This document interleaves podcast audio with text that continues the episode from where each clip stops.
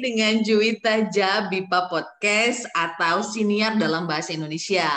Malam ini kita kedatangan tamu istimewa dan terhormat karena dia adalah orang yang pernah menjadi atasan saya dan saya sangat kagum sama beliau karena apa ya? Sekalipun dia punya banyak kegiatan dan macam-macam, tapi orangnya baik hati. I don't know, I just know it from the beginning gitu ya. Dan apalagi keistimewaannya dia, kita akan dengarkan sama-sama di obrolan santai kocak manis bersama dengan Juwita aja. Mari kita persilahkan bintang tamunya untuk memperkenalkan diri. Silahkan. Selamat malam sobat bincang santai kocak manis dan Mbak Juwita yang uh, Juwita. Saya Adi Damar Prasetya. Sebetulnya saya bukan atasannya Mbak Juwita, tapi saya mitra kerjanya Mbak Juwita. Oh.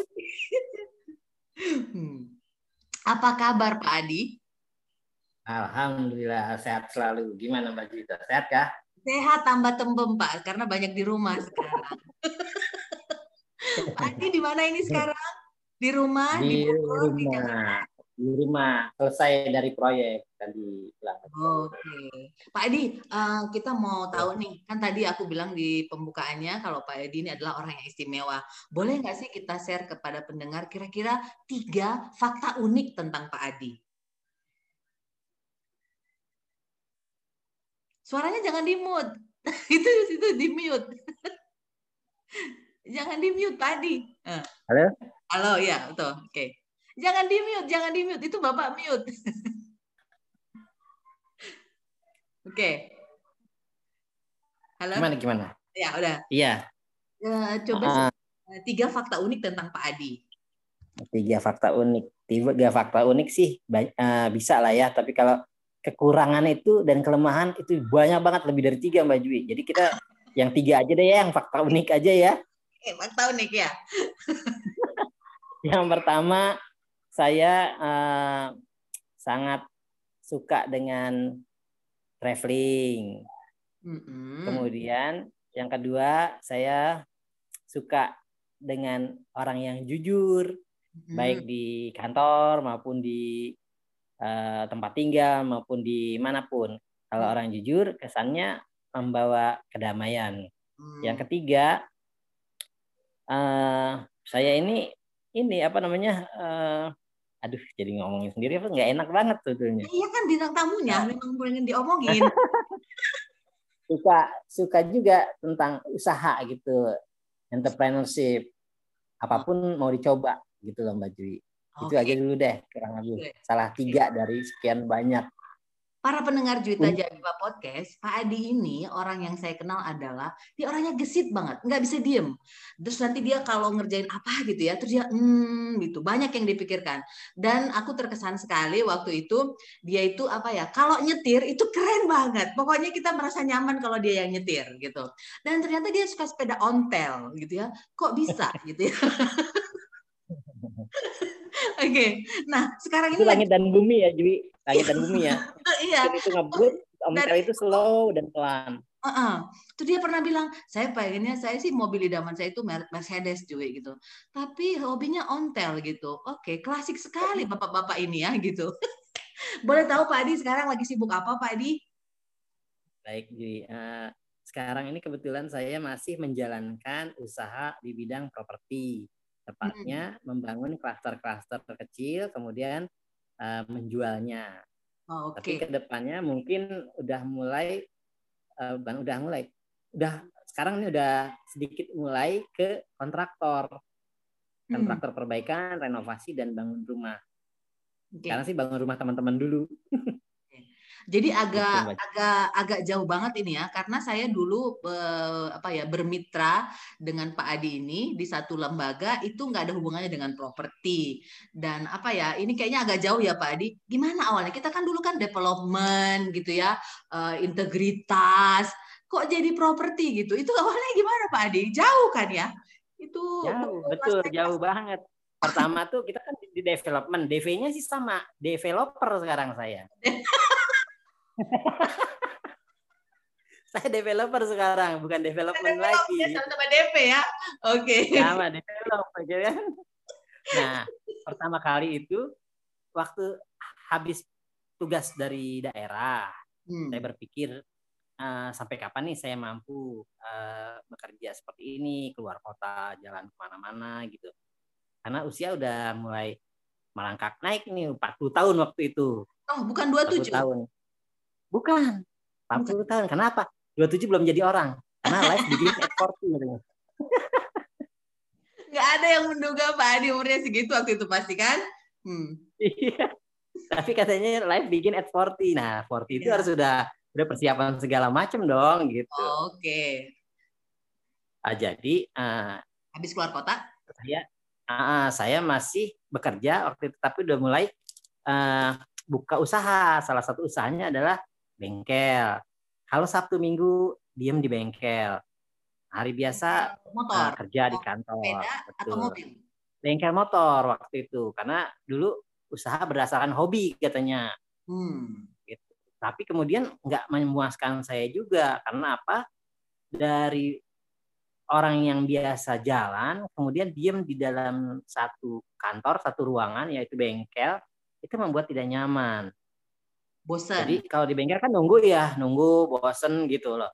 Sementara dulu saya uh, kita bepergian ke mana-mana dan banyak bertemu orang. Tapi sekarang menunggu itu membuat tidak nyaman. Di tengah ketidaknyamanan itu, saya mulai berpikir, apalagi ya usaha ya yang kira-kira bisa banyak ketemu orang, kemudian uh, apa namanya, uh, tapi menghasilkan bisa jalan-jalan. Nah, bisa jalan-jalan, menghasilkan uang ya pasti. Tapi yang utama menghasilkan jalan-jalan ketemu orang dulu. Uh, sedang berpikir begitu, teman saya datang, di ikut gue yuk katanya. Apa ini? kursus. Kursus apa tuh? Pro properti katanya.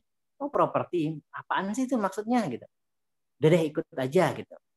Oke berapa bayarnya? Ya sebutin tiga juta lima ratus. Pada waktu itu kan lumayan tiga juta lima ratus. Hmm, hmm, hmm. cuman uh, ya udah kita jalanin aja kita ikut kursusnya. Dan alhamdulillah sejak ikut kursus terbukalah pikiran saya tentang properti kursusnya kurang lebih tujuh hari atau seminggu ya. Kemudian di sana kami belajar tentang apa itu properti, bagaimana mengakuisisi properti, bagaimana memaintain, dan bagaimana menjualnya. Termasuk membicarakan tentang legalitasnya, Mbak Dwi. Hmm, hmm. Jadi ini agak serius sedikit nih. Kita mesti serius kalau soal ini. tujuh hari ya, oke. Okay. Tapi sebelumnya ah, tujuh hari. orang yang temen yang mengajak Pak Adi itu sudah menekuni bidang properti itu sendiri atau sama belum sama-sama belum sama-sama aja dia juga uh, waktu itu uh, teman saya di usaha lain mm-hmm.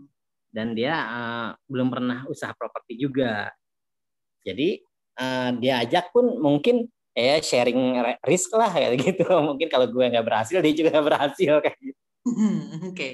Jadi dia ajakin kursus, saya minta ditemenin, ya udah saya ikut juga kursus itu. Nah, setelah pulang kursus, uh, saya berpikir karena di dalam kursus tuh di challenge tuh sama pelatihnya, sama gurunya, sama pengajarnya. Apa challenge? Uh, challenge-nya begini, setelah kalian selesai dari kursus ini, kalian nggak bisa berhasil kalau belum memulai terjun di usaha properti, katanya gitu. Coba deh bikin uh, rumah lalu jual. Kalau berhasil berarti kalian udah ber memanfaatkan ilmu yang saya berikan, dia bilang gitu. Oke. Okay. Nah, kan masih ragu dong, tapi saya teringat ada tanah nih yang saya punya gitu. Kemudian uh, saya pikir-pikir apa itu? Dibangun ya, terus tanah itu kan cuma dua unit untuk dua unit rumah. Lah, saya bangun aja tuh tanah. Kemudian di di situ timbul uh, pertanyaan dalam hati nih. Apakah laku? Kalau nggak laku gimana nih? Sedangkan hmm. uang udah habis buat ngebangun kayak gitu. Terus kalau nggak laku gimana? Tapi kemudian alhamdulillahnya rumah itu sudah laku sebelum selesai Mbak Jui jadi hmm. uh, mungkin uh, apa uh, tantangan pertama berhasil nih dengan pecah telur gitu loh mbak. Oke, itu langsung laku. itu laku uh, dengan menerapkan ilmu yang didapat dari kursus itu atau memang eh, apa ya Pak Adi info ke teman-teman atau keluarga, eh gue mau jual rumah nih gitu, atau memang Enggak. eh, menerapkan Aksi itu? asli itu 100% dari hasil kursus itu. Sebab apa? Oh. Sebab saya nggak pernah memasarkan itu. Karena ilmu yang pemasarannya kan belum dipakai, itu baru dibangun. Jadi baru sampai akuisisi, membangun, belum menjual. Nah, sebelum dijual udah laku Mbak Jui. Itu yang belinya tetangga-tetangga situ juga, tetangga rumah yang saya bangun itu. Jadi nggak jauh-jauh, Oh. udah laku aja gitu. Oh. Jadi Il- murni dari ilmunya dari belum ilmu di- itu. ya, belum belum diimplementasikan ya. Betul. Bahkan ada ada cerita menarik juga nih tentang Oke. itu. Jadi waktu rumahnya masih pondasi, ada orang datang, Pak ini rumah buat saya ya, Eh, nanti jangan dijual ke mana-mana. Tapi ternyata orang itu kalah sama orang lain lagi yang langsung kasih DP ke saya. Saya beli deh rumahnya, nih DP-nya gitu. Lah Oke. begitu Ada rumahnya jadi, sederhananya, ada yang berani langsung DP ya, DP ya, DP Hmm. developer, Nah, tiba-tiba developer, isi DP. DP langsung. Ibu itu datang lagi. Mana Pak rumah saya nih? Saya mau bayar DP-nya. Ya Bu udah laku. Ibu ngomel. Ibu itu ngomel. Bapak gimana sih? Kan ini rumah buat saya katanya. Aduh gimana Bu? Orang udah DP duluan kayak gitu. Nah Ah, dari situ Ya. senang banget kan bahwa rumahnya laku dan ilmunya baru dipakai setengah udah udah udah alhamdulillah udah berhasil gitu loh dalam skala kecil lah Mbak Jui. Boleh tahu nih Pak mundur lagi. Waktu kursus properti itu apa saja sih Pak yang dipelajari gitu? Hal penting yang masih Bapak ingat sampai sekarang? Oh, banyak sekali Mbak Jui. Jadi itu ada catatannya mungkin tengah buku sendiri karena dari awal itu tentang apa itu properti, kemudian belajar tentang akuisisi lahan, kemudian belajar tentang mem- memilih lahan. Eh, akuisisi itu artinya membeli atau eh, kerjasama lahan atau ataupun cuma sekedar kerjasama apa beli dengan nyicil lahan itu. Banyak itu metodenya ada tujuh kalau nggak salah metodenya. Oke, sampai kemudian le- legalitas lahan. Sebelum kita lebih lanjut Apa aja?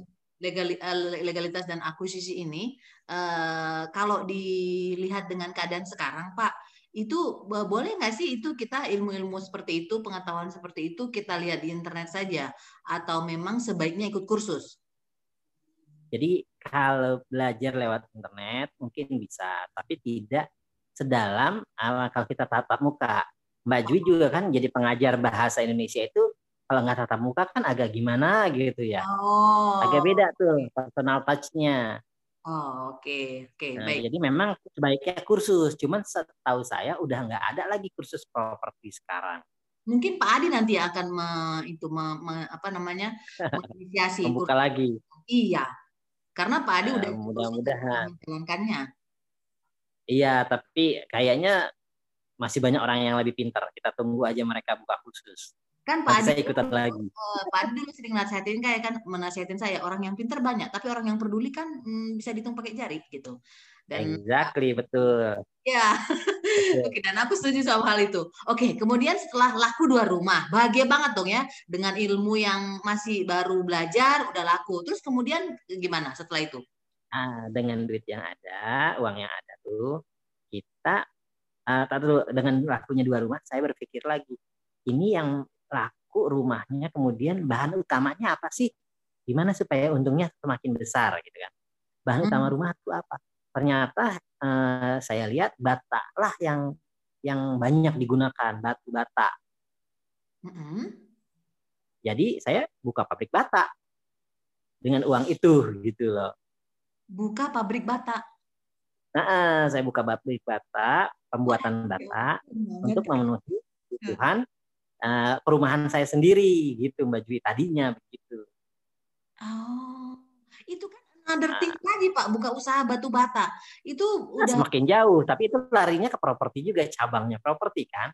iya unsur yang dibutuhkan oleh properti. Oke. eh. Betul. Kenapa Nah, batu bata? kemudian- Kenapa enggak? Kenapa enggak ini eh, pabrik eh, genteng aja atau pabrik besi misalnya? Itu pertanyaan menarik.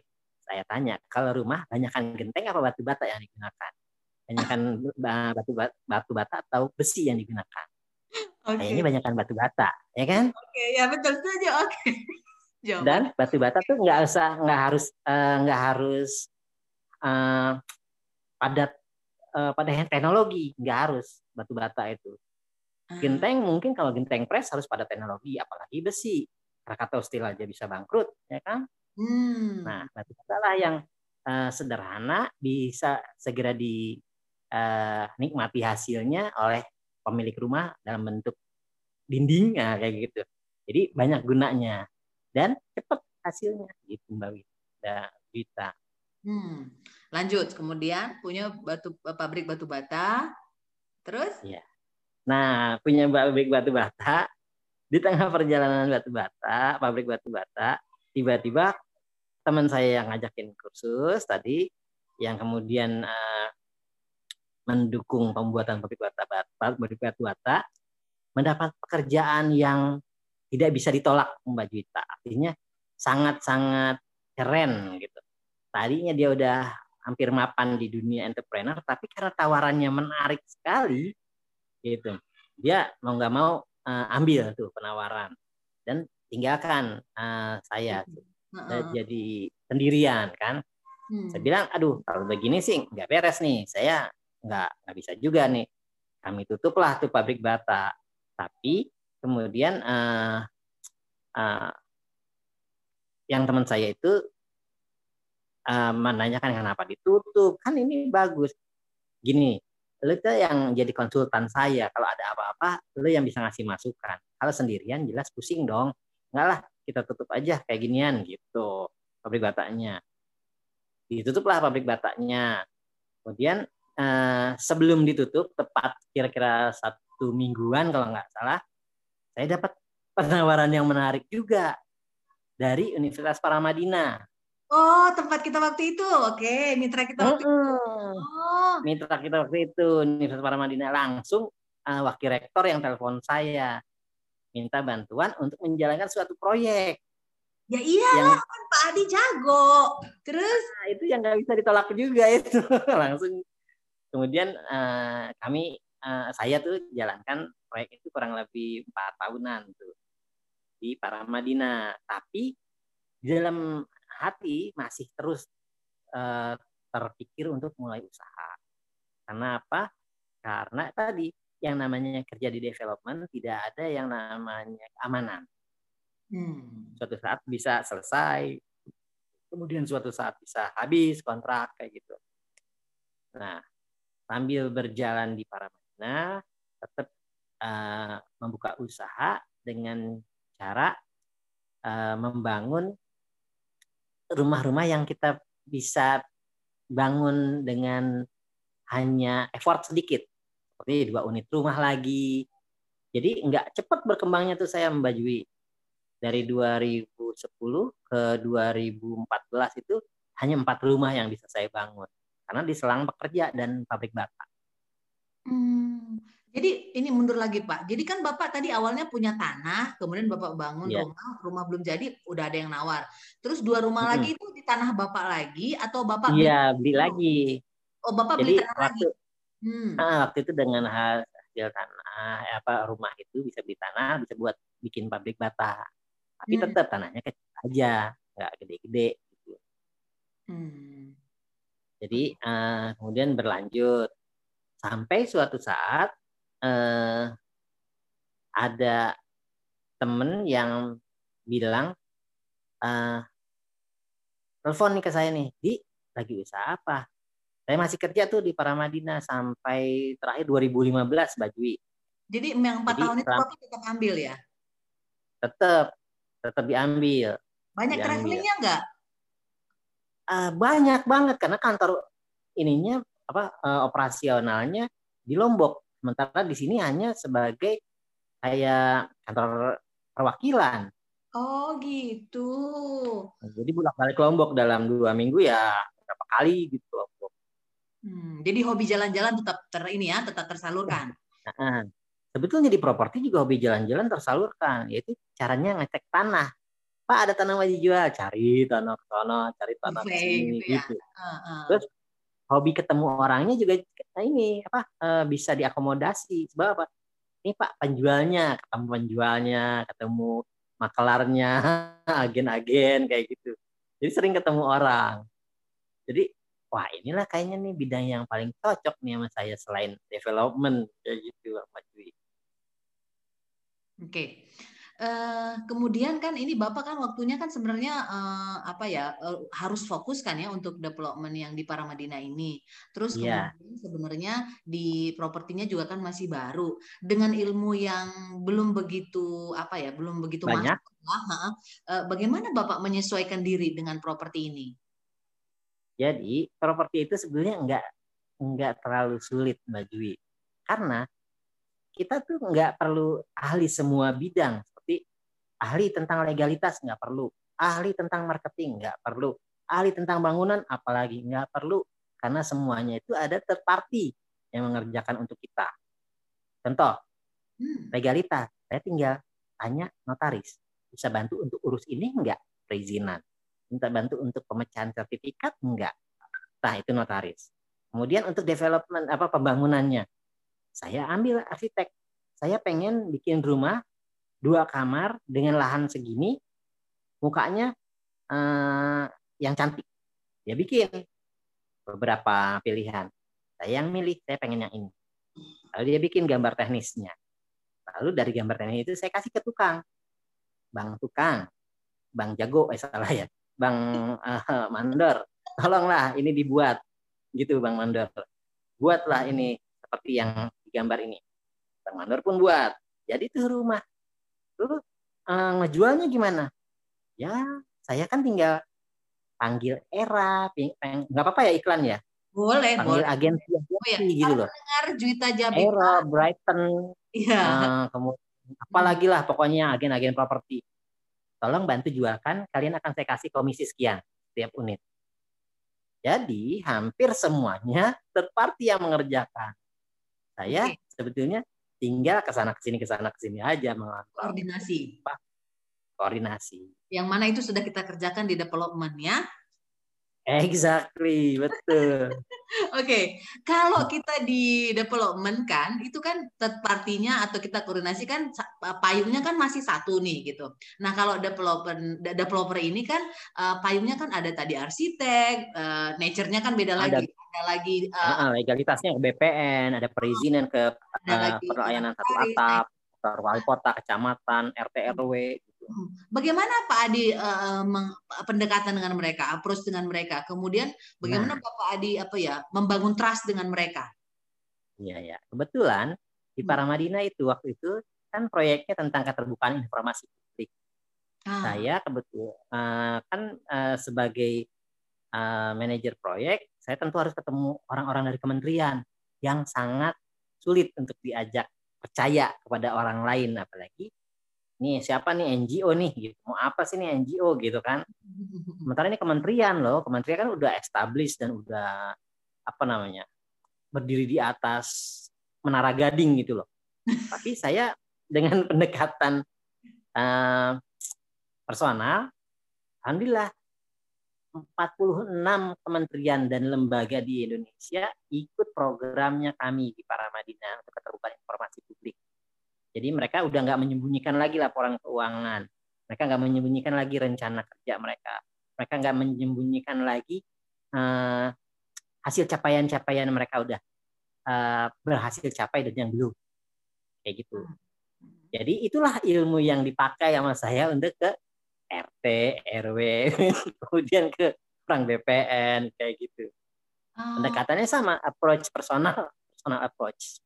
Oke, jadi uh, Bapak bisa tahu informasi sehingga membuat Bapak yakin, oh, jadi Bapak punya pemahaman yang lebih baik ya uh, ketika uh, ketika uh, mendekati ataupun sebelum mendekati uh, third party yang mau diajak bekerja sama. Kira-kira seperti itu? Iya, begitu kurang lebih. Kan waktu itu ketemu kementerian aja, ketemu kementerian, kemudian ketemu uh, di keterbukaan informasi publik itu ada UKP 4 waktu itu unit kerja presiden untuk ya, keterbukaan informasi kayak gitu kan. Iya. Itu kan orang-orang uh, levelnya high class dan well educated ya. Pinter-pinter semua di situ. Itu aja hmm, itu aja bisa kita ajak kerja sama hanya dari Universitas Paramadina yang nggak begitu besar, bukan negeri lagi kan. Nah, tapi itu bisa mereka mengikuti apa yang uh, disediakan program yang disediakan oleh para Universitas Paramadina. Jadi saya pikir ah sama sih menghadapi orang mau RT RW mau menteri mau uh, wakil menteri yang penting mah personal approach. Insya Allah nggak ada masalah. Alhamdulillah sampai sekarang pun begitu. Nanti saya ceritakan tentang bagaimana cara menghadapi preman, warga yang tidak suka. Ada juga itu tips dan triknya Mbak Jui. Oke, pendengar Juwita Jabipa Podcast atau Siniar dalam Bahasa Indonesia, saya sangat setuju dengan yang tadi kata Pak Adi. Uh, sama aja sebenarnya approach ke semua orang. Kalau kita punya persona yang baik, uh, itu aku aku sangat percaya ya, karena setahuku nggak ada orang yang tidak suka sama Pak Adi. Semuanya suka sama Pak Adi. Bukan karena Pak Adi ganteng, tapi nggak tahu ya, mungkin uh, kalau saya sih ngelihat mata Pak Adi itu kayak mata bayi ya, jadi berbinar-binar gitu. Jadi uh, susah yang luput dari pesonanya menurut aku sih ya. Oke. Okay. Uh, ada-ada aja. iya, kan matanya hidup gitu loh. Uh, apa namanya? Apa sih kendala-kendala umum dari apa yang Bapak jalankan untuk properti ini? Dari semua nah. ada third party, me, uh, apa sih kendala-kendala umumnya? Oke, okay kendalanya sih banyak Mbak Jui. Kalau di list tuh pasti uh, cukup menghabiskan kertas dan pulpen. Nggak apa-apa Salah Pak. satunya nih. Podcastnya tujuh hari tujuh malam khusus untuk Pak Adi. Sampai hari kiamat. Jangan. tujuh hari tujuh malam aja. Cuma nanti yang perlu kita pikirkan yang mau tahan dengar tuh siapa gitu. Mungkin itu kita kompetisikan iya. aja nanti ya. Oke. okay. Jadi kendala yang dihadapi dalam dunia properti banyak. Salah banyaknya adalah satu mencari lahan yang cocok untuk dijual. Banyak lahan, cuman kalau kita bangun perumahan gak laku. Mungkin Mbak Jui dan teman-teman pendengar podcast ini tahu ada perumahan yang mangkrak udah lama tuh perumahan tuh nggak laku-laku. Juga ada rumah-rumah yang kemudian uh, proyek perumahan yang nggak ada nggak ada penghuninya, padahal udah bertahun-tahun. Nah, itu tidak lepas dari pemilihan lahan. Jadi untuk pemilihan lahan sendiri, kemudian di kursus itu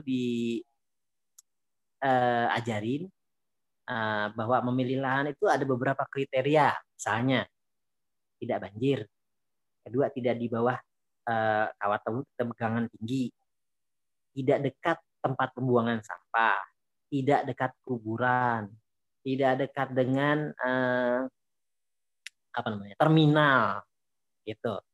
Karena banyak jahatan di terminal itu salah uh, duanya tuh dari lima ada lima. Nah ini ah, informasi lima. ini bapak dapat dari mana biasanya? Nah kita tadi kita kan suka jalan-jalan mbak Jui. Kita jalan-jalan. Jadi kalau mbak Jui ketemu saya saya udah hitam. Karena saya jalan-jalannya pakai motor. Kenapa pakai motor? Kenapa pakai motor? Supaya masuk masuk ke daerah. Beloknya muternya gampang. Kalau mobil tuh lama muternya. Dan macet nah, sampai tujuan untuk hal itu nggak bisa diterpartikan jadi kayak surveyor gitu? Nggak bisa. Saya pernah uh, minta uh, para agen untuk tolonglah cariin saya sekitar 2000 meter, 1000 meter kayak gitu tanah. Mereka cari tapi enggak sesuai dengan apa yang kita inginkan. Akibatnya buang-buang waktu mereka dan buang-buang waktu saya. Kemudian saya punya strategi lagi. Saya berikan listnya kepada mereka. Saya pengen yang seperti ini. Misalnya suratnya harus sudah sertifikat tidak banjir, kemudian tidak dekat kuburan, tidak dekat tempat sampah gitu. Nah, itu masih mending kemudian. Jadi eh, adalah eh, beberapa lahan yang hampir masuk kriteria saya, tapi tetap mesti kita datangi dan lihat. Karena bisa saja lahannya bagus seperti itu, tapi kemudian eh, harganya mahal atau pemiliknya nggak jelas ada di mana atau malah lebih buruk lagi tanah sengketa. Hmm. Gitu. Oke. Okay. Uh, Bagi, terus uh, misalnya ini yang pertama tadi kan kita harus lihat pemilihan lokasinya itu. Nah itu bapak tadi bilang bapak sampai hitam sekarang kan gitu. Iya iya iya. Itu kayaknya hal yang mendasar ya itu yang yang uh, menurut bapak itu faktor yang pak sangat penting sebelum kita memulai membangun ataupun membeli tanah itu gitu ya. Nah Betul. lokasi lokasi lokasi gitu. Kemudian apa yang dilakukan setelah kita ketemu nih, gue ketemu nih spotnya bagus nih di sini nih gitu. Yang lima nah. Di itu semuanya dia uh, dia udah memenuhi syarat. Tidak ada tidak tidak ada tidak kena yang lima tadi. Jauh dari terminal uh, tidak kena banjir itu. Nah setelah itu ketemu pemiliknya. Ketemu, ketemu pemiliknya. Kita nggak tanya bapak mau jual tanah ini atau ibu mau jual tanah ini? Enggak kita ngobrol biasa tadi personal approach. Kita ngobrol biasa tentang apa yang ada di pikiran bapak ibu itu waktu mereka mau menjual tanah. Kenapa mereka mau menjual tanah? Gitu. Jadi seperti halnya uh, orang yang sedang kesusahan, mereka sangat sensitif soal bapak mau jual tanah saya. Nah, mau jual tanah ya, itu rasanya mereka akan merasa tersinggung atau sedikit malu lah, gitu. Jadi saya nggak pakai pendekatan, saya pakai pendekatan ngobrol. Dulunya uh, kenalan, terus minat, family, tentang occupation mereka. Terus uh, saya tanya, mau ditukar apa tanahnya sampai tanah bagus gini mau dilepas Pak gitu. Jadi uh, bukan mau dijual berapa. Itu pentingnya pemilihan kata-kata. Jangan sampai orang yang menjual tanah itu merasa uh, dia ada di bawah kita atau malu. Karena menjual itu malu biasanya. Oh. Oke, Pak, sorry. Jadi ini sejauh ini udah ada yang di luar Jawa belum Pak yang Bapak approach? Nah, belum, karena di sini juga masih sibuk Mbak Jui. Insya Allah ke depannya saya mungkin seluruh Indonesia kali, walaupun nggak terlalu luas. Oke, kayaknya aku punya sesuatu nih Pak yang aku kayaknya uh, apa ya percaya Bapak bisa uh, urusin ini nanti ya. Uh, tapi nggak apa-apa. Sebelum ke situ, sebelum ke aku, kita ngobrol hal yang properti lebih lanjut lagi ya. Kemudian baru setelah diajak ngobrol, kemudian hmm. uh, uh, biasanya gimana Pak? So far yang Bapak jalanin berhasil kah? So far atau... kita akhirnya tanya mau hmm. tuker apa nih? Biasanya orang jual tanah 1000 meter misalnya itu nggak hmm. butuh jual 1000 meter. Dia cuma butuh apa? Naik haji, which is cuma 150 jutaan. Oh. Atau mau ngawinin anaknya 150 oh. jutaan. Oh, okay. Atau mau beliin motor anaknya 50 juta kayak gitu. Jadi kita penuhi kebutuhannya dia sambil kita bilang, Bu, saya bisa bantu itu. Tapi ibu bener nih nggak sayang tanahnya dijual atau bapak atau nggak sayang dia. Saya bantu jualin ya, gitu. Tapi pasti itu dalam waktu lima atau enam bulan saya jamin ini laku gitu. Padahal kita yang mau beli gitu loh. Aha. Kan mereka uh, kebutuhannya terpenuhi itu, dibantu sama kita. Hmm, hmm, dikasih Jadi, jalan. Uh, dia bilang ya udah deh kalau gitu saya maunya segini mas. Saya lihat dulu kalau misalnya pasaran sekitar situ masuk saya bilang bisa bu. Kalau misalnya enggak coba deh ibu pertimbangkan lagi yang di sebelah sana segini segini segini. Akan sangat susah menjualnya kalau terlalu mahal. Itu yang wajar segini gitu. Nah hmm. saya sendiri udah punya patokan harga. Nah, dari mana saya dapat patokan harga? Dari tanah-tanah sekitarnya. Tanah-tanah sekitar itu berapa pasarnya? NJOP-nya berapa kemudian uh, akses kemudian lokasinya itu kira-kira pas nggak? Pantas nggak sih dengan harga seperti yang ditawarkan si ibu itu gitu? Kalau enggak ya langsung saya tawar sesuai itu. Ini bu kalau segini aja gimana? Nanti saya cariin pembelinya gitu. Nah nanti saya janji deh langsung empat tiga bulan tuh udah selesai bu. Ini ibu udah dapat uangnya. Ada itu nanti saya yang beli gitu. Dan dia bukan ngebohongin tapi kita ngebantuin. Ujungnya dia tahu. Ujungnya dia tahu. Kan saya bilangnya begini empat atau bulan saya tawarin dulu ke orang. Kalau kemudian nggak mau ya saya yang beli nih bu. Ternyata saya yang beli. Gitu. Uh, is that okay? Kalau I mean, saya langsung. oke okay, kan? okay, langsung. Karena dia udah kenal sama kita kan? Udah dekat kalau okay. kita langsung berapa ibu mau jual? Langsung kasih harga mahal. Untuk nego sangat alot. Tapi kalau kita beberapa kali datang bantuin dia ngobrolin gitu ya ya udah mas dijual segitu aja. Ya udah bu kalau gitu saya aja yang beli gitu kan. Karena udah gitu. ada karena udah ada hubungan tadi ya karena ada udah Betul, dan trust. Ya ya pengenalan. Iya dan trust. Saya oh. juga nggak beli di bawah harga pasar belinya uh, harga pasar cuman memang agak lebih rendah sedikit karena saya tentu harus bicarakan tentang surat. Biasanya mereka tuh nggak paham tentang biaya-biaya yang harus dilakukan dibayar pada saat penjualan, misalnya pajak penjual kayak gitu enggak, bayar PBB gitu enggak. Jadi saya harus punya spare untuk membayar PBB yang udah enggak dibayar 10 tahun misalnya. Atau oh. membayar biaya pajak Karena mereka taunya misalnya 2 juta per meter, ya udah 2 juta per meter aja. Nanti harus bayar itu nggak tahu dia, nggak mau gitu loh. Oke, apa saja sih yang uh, yang kira-kira uh, Bapak jelaskan ketika Bapak mau mengakuisisi uh, tanah ataupun uh, lahan dari orang yang udah cocok nih pendekatannya nih gitu. Apa saja sih yang perlu uh, disiapkan? Iya, jadi dari saya saya bilang gini, Bu, kayaknya nih empat bulan udah mau lewat nih. Saya beli aja deh tanah ini. Tapi saya belinya segini ya.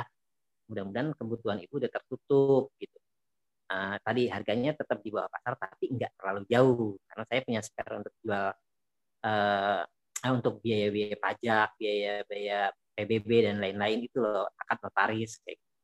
Kalau dia setuju, jadi. Kalau enggak ya terus melakukan pendekatan sampai jadi karena orang itu kan dikejar waktu. Misalnya mau ngawinin anaknya atau mau pergi haji, mau apa gitu dia kerja waktu.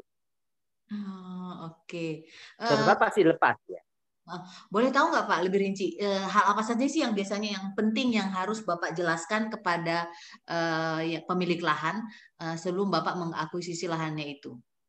Ya pertama tentang benar nggak lahan itu punya keluarga ini gitu. Kemudian siapa yang nanti akan bertransaksi. Kemudian luasnya berapa, legalitasnya apa. Legalitas itu kan banyak tuh Mbak Jui dari mulai akte jual beli, ore akte jual beli sampai ke eh, SHGB, SHM, SHGB gitu. Jadi uh, itu tuh beda-beda tuh harganya juga. Kalau masih akte jual beli harganya masih agak murah. Kalau sudah sertifikat hak milik itu harganya udah top lah paling tinggi. SHGB hmm. orang masih hmm, uh, antara murah dan mahal karena itu bukan milik hmm. pemerintah suatu saat kalau mau pakai bisa diambil. Nah, biasanya kalau tanah-tanah di kampung yang saya beli itu SHM, sertifikat milik. Milik. Nah, itu yang selalu saya cari.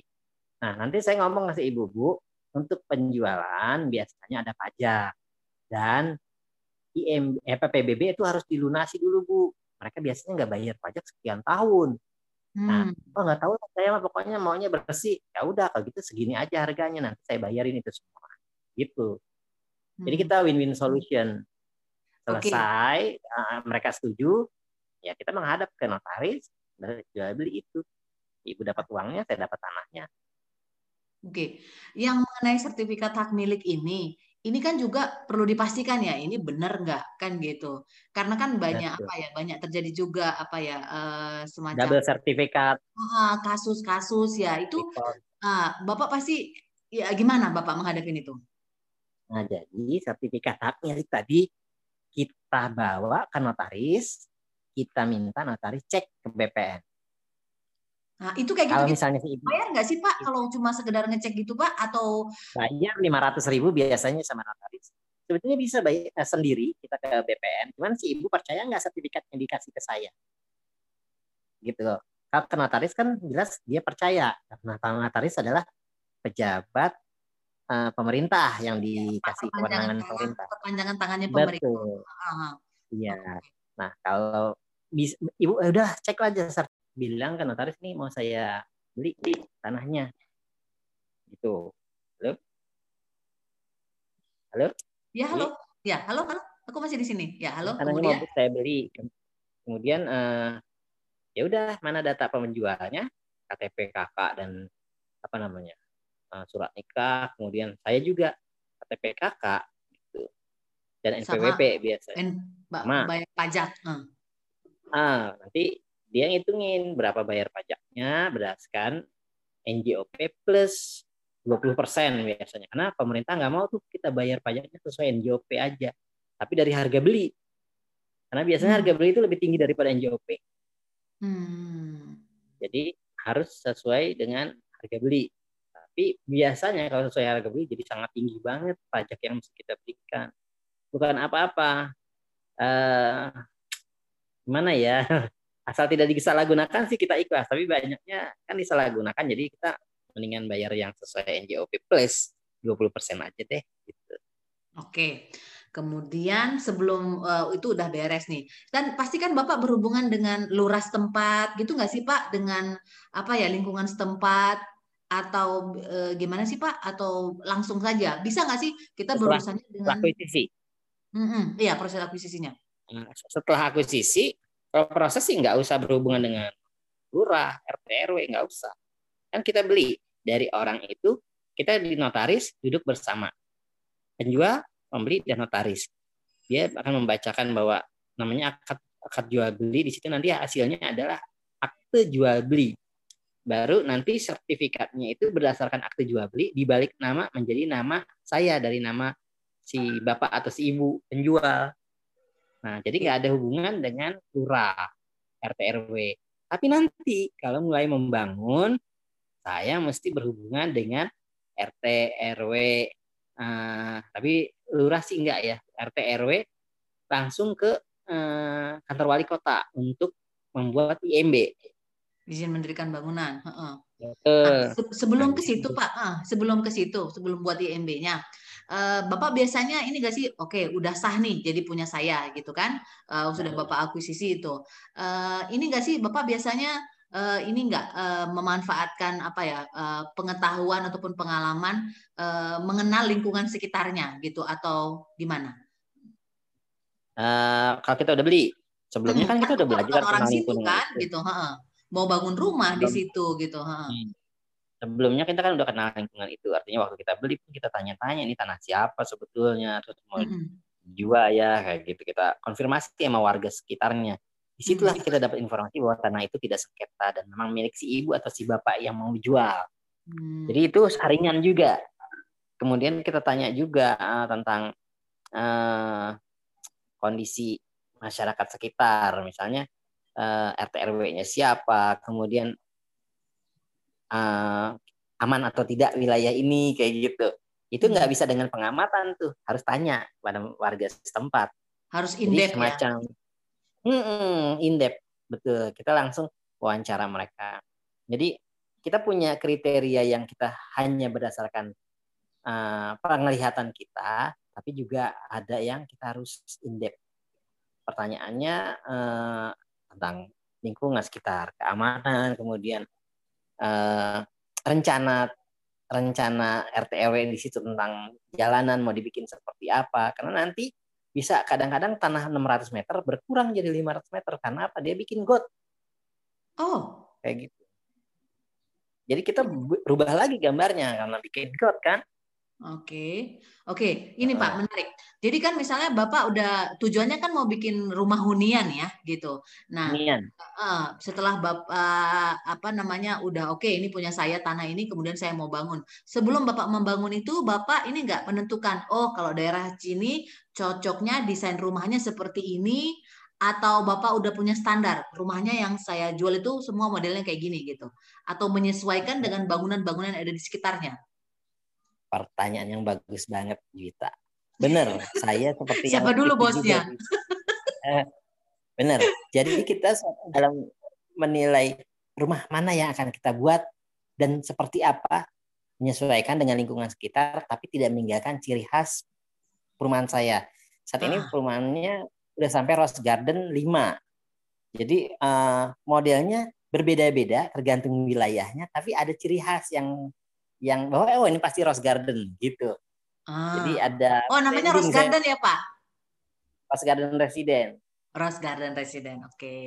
Iya, at Jati Asih sebetulnya. Oke. Okay. Nah, oke, okay. jadi balik lagi ke pertanyaan tadi. Mm -hmm. Menyesuaikan jadi misalnya ada perumahan-rumahnya rumah-rumahnya sederhana di sekitar tempat kita. Mm -hmm. Nggak mungkin kita bikin rumah dua lantai harga 1,1 miliar. Enggak. Itu akan jadi ketimpangan kita buat satu lantai yang harga 400 eh 575 600 kayak gitu baju Ita. Mm-hmm. Jadi uh, kita sesuaikan dengan lingkungannya. Sebaliknya kalau kita dapat tanah yang uh, bagus uh, di lingkungan yang bagus, saya bisa bikin dua lantai yang indah gitu. Uh, menyesuaikan dengan lingkungan sekitarnya, rumahnya indah-indah. Sebab kalau enggak kan rumah kita nggak laku, kelihatan jelek sendiri atau cakep sendiri gitu ya? Atau cakep sendiri. Uh, jomplang, jomplang sama sekitarnya. Jomplang, oke. Baik. Nah, kemudian nih, uh, berarti kan Bapak memang udah punya desain, jadi uh, kemudian disesuaikan dengan lingkungannya. Nah, waktu membangunnya ini, Bapak punya tim khusus kah untuk membangunnya itu atau menggunakan uh, apa ya tukang ya? Kita nyebutnya tukang ataupun uh, kontraktor yang membangun itu uh, yang dari situ atau gimana biasanya?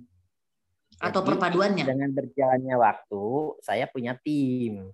Hmm. Tadinya hmm. saya hanya pakai tukang-tukang biasa dan kontraktor. Kadang-kadang pakai kontraktor. Kenapa pakai kontraktor? Karena saya tadi nggak menguasai soal teknik.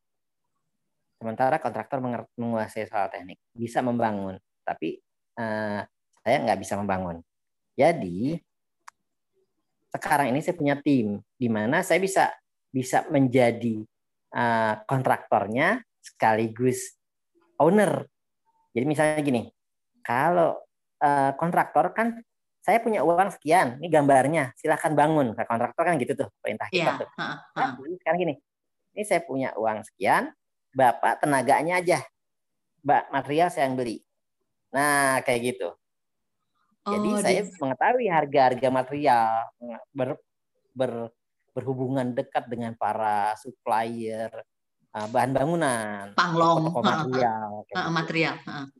Nah, jadi saya tahu untuk menghitung RAB, RAB itu rencana anggaran biaya. biaya, biaya. Uh, kerjaan kita sehari-hari itu. Nah, kalau unit itu kita tahu, oh, butuh rumah uh, dengan satu lantai 180 juta, dua lantai 240 juta. Apa aja sih eh, komponennya ini ini ini. Nah, harga mana yang uh, bisa ditekan? Harga mana yang kemudian naik turunnya enggak karuan? Nah, itu bisa kita segera sesuaikan di situ Mbak Juwita. Oke, jadi saya itu uh, uh, itu seiring dengan waktu atau memang pertamanya dulu gimana? Apa itu kan perpaduan semuanya ya? Oh, seiring dengan waktu. Seiring dengan waktu. Kalau okay. gini, waktu dulu kan waktu saya ngebangun, tentu saya nggak ingin bangun rumah yang jelek, karena saya jualan rumah. Jadi saya lihat-lihat rumah orang. Oh ada rumah orang bagus nih. Saya tanya siapa nih bu yang ngerjainnya? Oh tukang A. Terus uh, saya hubungi tuh tukang A. Mas, Pak bisa nggak saya dibangunin rumah? Saya punya uang segini sama tanah segini. Ini ada gambarnya. Bikin bangunan rumah bisa nggak? Oh bisa. Terus saya lihat kan hasilnya sebelumnya bagus. Hasil saya juga saya amati bagus. Udah aja saya tawaran Pak, bisa nggak kita kerjasama? Nanti saya bangun rumah, Bapak aja. Cuman saya minta, misalnya harganya dikurangi dan mutunya dinaikin gitu. Tapi Dan sebenarnya kan, itu kerja ekstra kan ya Pak ya? Artinya Bapak konsentrasi lagi untuk um, ngurusin bahannya Mencari gitu. Huh. Betul. Tapi gini, tadi kita punya pilihan dua Mbak Jita. Mau kita santai-santai di rumah atau kita mau beli material dengan dengan konsekuensi nanti kita akan capek. Tapi kita punya link dan kita punya acuan harga yang benar-benar pasar. Hmm. Bukan hanya ngasih uang begitu saja ke kontraktor. Karena ngasih oh. uang ke kontraktor aja begitu aja, kan dia juga dapat untung dari material. Oh, Oke. Okay. Jadi waktu bikin RAB-nya pasti dia akan lebih tinggi, sehingga nanti harga jual rumahnya lebih tinggi. Sementara eh, banyak orang Indonesia yang sensitif harga. Hmm, hmm, hmm, hmm. hmm. Dengan ya. mengerjakan sendiri itu biasa bisa ditekan biayanya. Oke, menarik sekali ya. Jadi apa ya, belajar tapi ya itulah enaknya belajar kita jadi lebih tahu ya, lebih tahu dan juga memberikan hasil dengan apa ya, kita bisa uh, punya kendali untuk menentukan harganya. Nah, kalau udah jadi nih, gimana sih biasanya menentukan harganya, Pak? Ikut nah, harga pasaran kah harga atau properti gitu. Bagaimana oh. menentukan harga properti yang udah dibangun? Gitu. Jadi, di kursus itu juga diajarin bagaimana cara menentukan harga, yaitu kita survei perumahan-perumahan di sekitar situ, kira-kira radius 2 km, mm-hmm. berapa harganya? Bagaimana bentuknya? Kemudian eh, apa status legalitasnya? Kemudian bagaimana akses jalannya? Apa fasilitasnya? Nah, tinggal kita kira-kira dari harga yang kita dapat, misalnya 10 perumahan, pasti ada harga tertinggi dan harga terendah kan? Kita tinggal posisikan kita ini gimana setelah kita hitung akses kita bagus, fasilitas kita bagus, kemudian eh, bangunan kita bagus, berkualitas, desainnya oke, ya kita bisa ikut yang mana nih? Mau yang paling mahal batas atas atau batas menengah supaya cepat atau batas bawah. Yang tetap kita tetap, dapat untung, cuman uh, tadi kalau batas atas kita untungnya lebih besar, batas menengah untungnya sedang, batas uh, bawah untung tapi ya nggak terlalu bagus gitu loh. Apa ada nggak sih metode dalam menjual ini uh, apa saja gitu loh? Kita jual ke third party langsung metodenya uh, mana sih yang selama ini Bapak udah kerjakan? Saat ini yang menjual itu bukan saya Mbak, banyak agen-agen yang datang ke perumahan. Jadi mm -hmm. Pak boleh nggak saya bikin jualan? Wah nggak, silahkan. Kalau saya bilang gitu, semakin banyak yang jualan, semakin banyak potensi untuk laku. Jadi hmm. soal jualan urusan mereka. Mau pakai medsos kah, mau pakai jejaring mereka apa, mau pakai daftar calon buyer di di kantor mereka, terserah. Nah, Dan itu saya nggak uh, ikutan jualan. Uh, marketingnya uh, komisi ke mereka sudah sudah sudah jelas juga ya hitung hitungannya ya. Sudah jelas. Saya kasih dua setengah persen. Gitu kan biasanya mereka datang.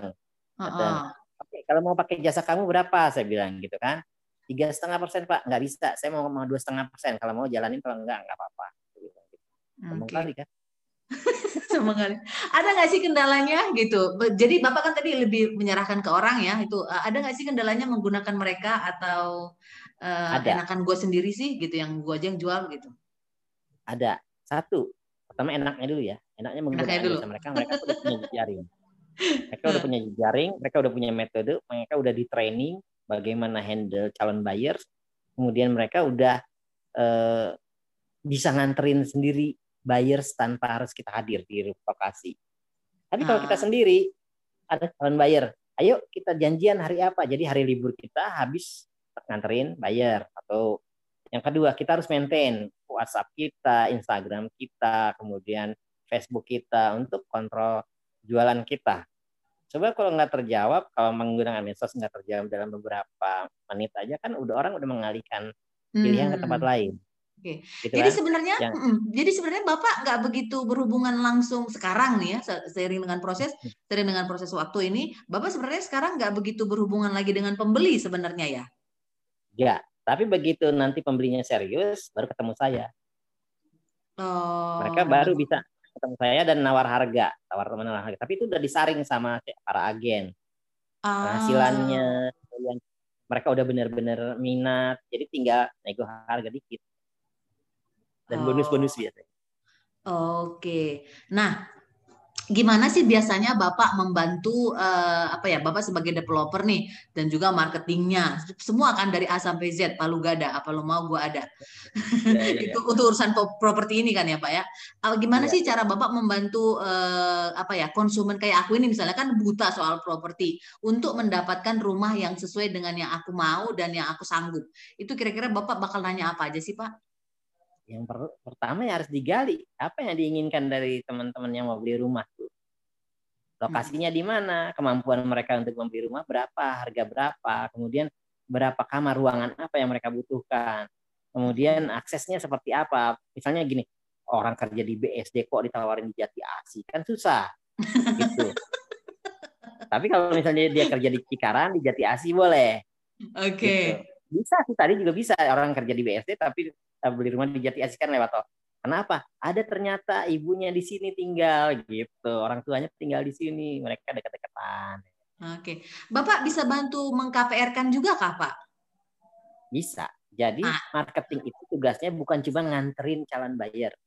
Marketing itu bukan cuma mendengarkan apa keinginan calon buyer. Tapi marketing itu juga membantu sampai penguruskan KPR sampai ke akad ditemani oleh agen marketing.